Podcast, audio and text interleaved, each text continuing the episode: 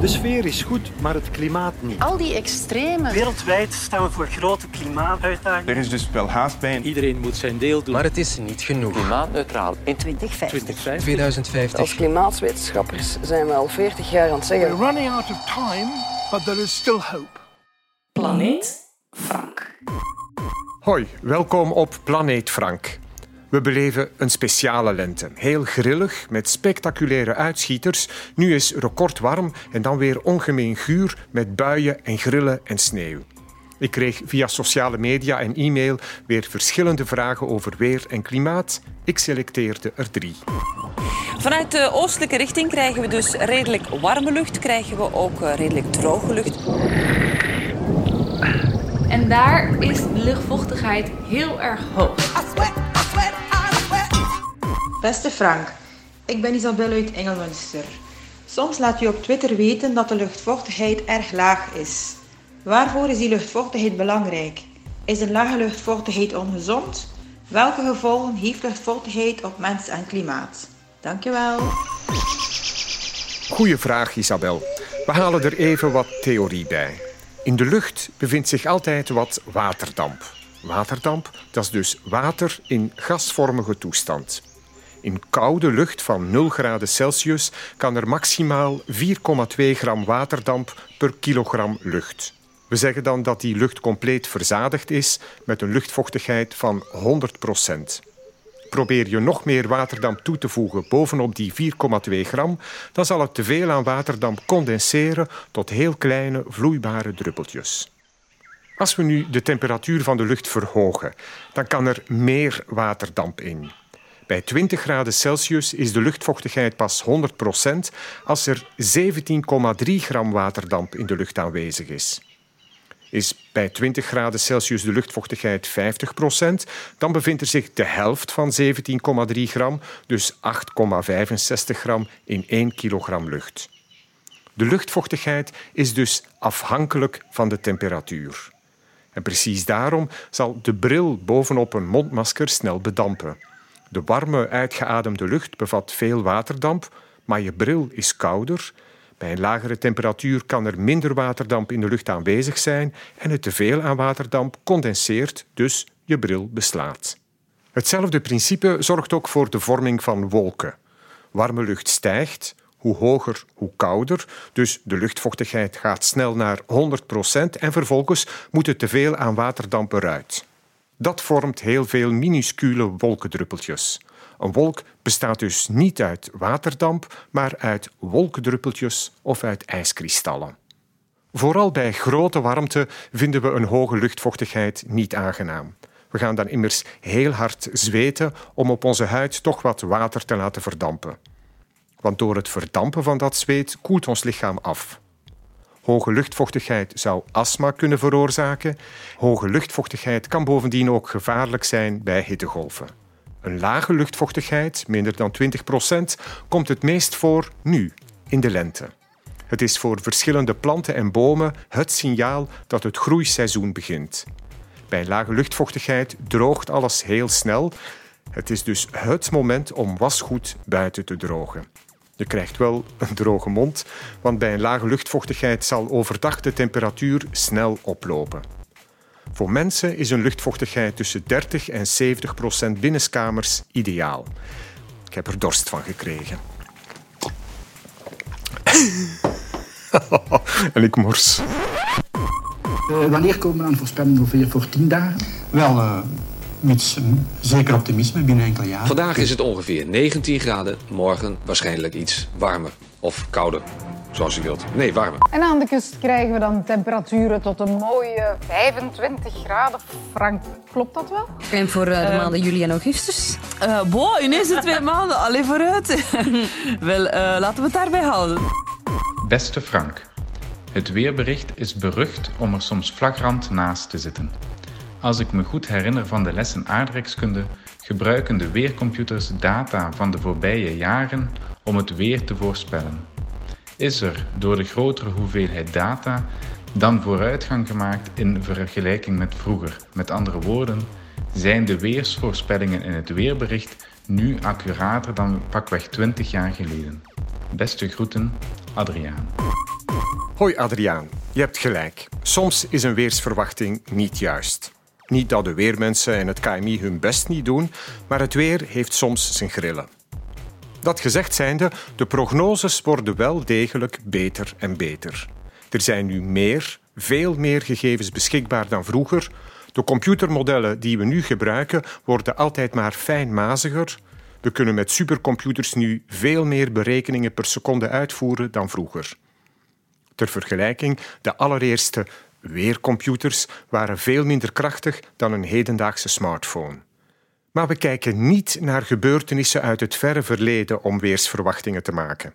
Nee, we baseren ons op alle waarnemingen van vandaag en dan gaan we rekenen.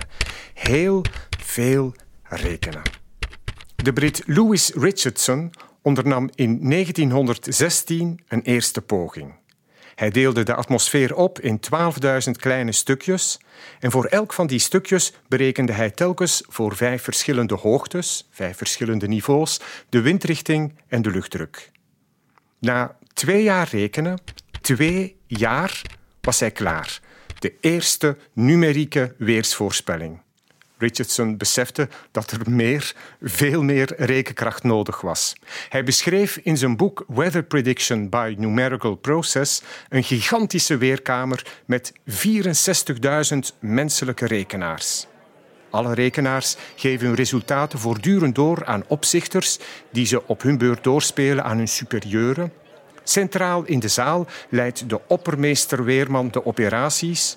Er schijnt een roze lichtstraal op de gebieden die snel werken, een blauwe lichtstraal bij de rekenaars die ver achter liggen op de rest.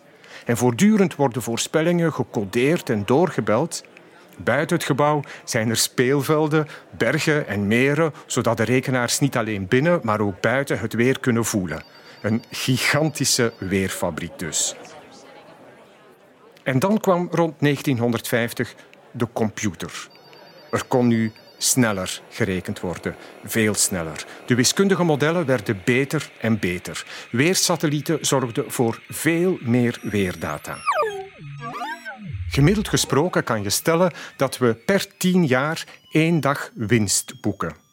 Een prognose voor dag plus vijf is nu dus even goed als een prognose voor dag plus vier tien jaar geleden. Maar we zijn er nog niet. Zelfs met biljarden berekeningen blijken er grenzen aan het haalbare. Onze prognoses zijn het meest betrouwbaar in de winter en in de zomer. In de lente en in de herfst doen we het wat minder goed. Maar nooit, nooit zullen we altijd juist zijn. Ook binnen 100 jaar zal er af en toe nog gesakkerd worden op de weerman en zijn foute voorspelling.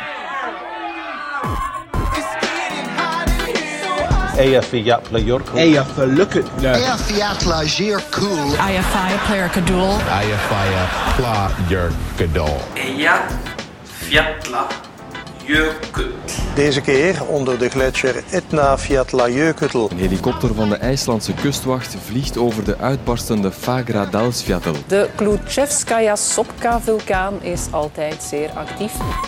Dag Frank, ik ben Jos uit Heffen en ik heb een vraag voor u. Koolstofdioxide afkomstig van vulkaanuitbarstingen levert een bijdrage aan het natuurlijk broeikaseffect. Recent zijn een aantal vulkaanuitbarstingen in de wereld geweest, zoals in Mexico, op Java, Filipijnen, Italië, IJsland. Zelden wordt er gesproken over het aandeel hiervan bij de opwarming van de aarde. Wat is en hoe becijfert de wetenschap dat aandeel? Een goede vraag. Ik vraag het aan Marilyn Roland. Zij werkt bij de Universiteit Antwerpen en kijkt naar de uitwisseling van broeikasgassen tussen de aarde en de atmosfeer. Marilyn, we moeten misschien beginnen met te zeggen dat er zoiets bestaat als een natuurlijke CO2-cyclus. Kan je dat even toelichten? Ja, dat klopt. Um, zoals je weet warmt onze planeet op door een teveel aan broeikasgassen in de atmosfeer van de mm -hmm. aarde. En CO2 is een van de voornaamste broeikasgassen. De hoeveelheid CO2 die er in de atmosfeer zit, die wordt bepaald door een heel aantal processen. En al die processen samen noemen we de CO2-cyclus. Mm -hmm. Enerzijds zijn er processen die CO2 toevoegen aan de atmosfeer, die dus een zekere, zekere uitstoot inhouden. uh, bekendste bron en de belangrijkste, waarom we ons het meeste zorgen moeten maken, is de menselijke uitstoot van mhm. CO2. Maar er zijn ook een aantal natuurlijke bronnen van CO2. Anderzijds zijn er dan ook processen die CO2 weer uit de atmosfeer halen. Denk maar aan de planten die uh, voor hun groei via fotosynthese CO2 weer uit de lucht halen. Mhm. En zo verdwijnt er CO2 uit de atmosfeer en komt er ook weer bij. Zolang dat die processen in evenwicht zijn, zal de concentratie van CO2 in de atmosfeer dus gelijk blijven, is er effectief een evenwicht. Kan je stellen dat er sinds eh, honderdduizenden jaren dat er al dat soort evenwicht is? Ehm, er was zeker een evenwicht in eh, de CO2-cyclus. Er zijn ook natuurlijk natuurlijke fluctuaties. Mhm. Maar we zien wel heel duidelijk dat sinds het begin van de industriële revolutie in de 18e eeuw die cyclus grondig verstoord is. We zijn in recordtempo fossiele brandstoffen gaan verbranden. Met als gevolg dat er 40% ehm, meer CO2 in de atmosfeer zit sinds dus 1800. Ehm, en dat is een veel grotere stijging dan dat eh, aan de natuurlijke fluctuaties binnen die cyclus kunnen wijten. We verstoren het evenwicht niet enkel door meer CO2 uit te stoten, maar ook doordat er minder CO2 kan verdwijnen, omdat wij hele grote gebieden aan het ontbossen zijn. En het zijn net die bossen en, en uh, de, alle planten in het algemeen die ervoor kunnen zorgen dat er ook weer wat CO2 verdwijnt uit de atmosfeer. Dus het evenwicht is wel degelijk verstoord. Uh, even focussen misschien op, op een paar van die natuurlijke CO2-bronnen. Um, ik denk bosbranden? Bosbranden zijn inderdaad een uh, natuurlijke bron van CO2 en die komen vanzelf voor. Dat is iets van alle tijden, maar natuurlijk door menselijk toedoen um, zijn er ook nog meer. En bovendien zijn er ook meer bosbranden door de klimaatveranderingen. Denk maar aan regio's waar het alsmaar droger en warmer wordt. Daar worden de risico's op bosbranden groter. En als er een brand plaatsvindt, gaat die ook op grotere schaal plaatsvinden, omdat het zich makkelijker kan verspreiden als het ergens heel droog is natuurlijk. Dat is ook iets waar dat binnen de Europese Green Deal heel actief aan gewerkt wordt. Dat is um, een gevolg van klimaatopwarming, hè, meer bosbranden. En iets dat we echt al aan het werk zien, geen toekomstmuziek meer. Ik herinner mij dat eh, in Siberië voorbije jaar met die enorme hittegolf, dat daar toen tot zelfs boven de Poolcirkel, dat er daar inderdaad enorme bosbranden waren. Hè. Klopt, ja, ja, ja. Ook de gebieden inderdaad waar we minder snel uh, bosbranden verwachten, kunnen daar nu toch zeer vatbaar voor zijn. Marleen, ik dacht dat ook oceanen dat die verantwoordelijk zijn voor, voor een heleboel CO2-uitstoot. Klopt dat? De oceanen die nemen eigenlijk uh, CO2 op. Uh, mm -hmm. CO2 lost op in het water. Um, en wordt daar opgenomen door um, iets wat we eigenlijk kunnen gaan vergelijken met hoe dat de planten op het landoppervlak CO2 opnemen. Gaan in de oceanen uh, heel kleine plantaardige organismen, die we fytoplankton noemen, gaan zij die CO2 ook, uh, die opgeloste CO2 gebruiken om, uh, voor hun groei. Nu, als er meer CO2 in de atmosfeer zit, gaat er, dat is ook weer een evenwicht tussen de oceaan en de atmosfeer. En dan gaat er ook meer CO2 oplossen in het, uh, in het water. En CO2 werkt verzurend, dus de zuurtegraad van de oceaan gaat dan stijgen. En hierdoor gaat dat fytoplankton, die CO2 kan gebruiken, gaat eigenlijk afsterven en dus minder CO2 kunnen opnemen. Dus eigenlijk is alles verbonden. De cyclus van CO2 heeft een grote buffercapaciteit, maar die is niet oneindig. Mhm. En dan zijn er dus die vulkanen. Hè. Dat ziet er heel spectaculair uit, nu onlangs weer in, in IJsland. Uh, hoeveel actieve vulkanen zijn er zo ongeveer op de wereld? Er zijn ongeveer 1500 potentieel actieve vulkanen op de wereld. Dus vulkanen waarvan dat we uitbarstingen kunnen verwachten. Enerzijds zijn die vooral gesitueerd op plaatsen waar aardplaten, waar die tektonische platen ten opzichte van elkaar bewegen. Mhm. Daar ontstaan dan aardbevingen en vulkanische activiteit.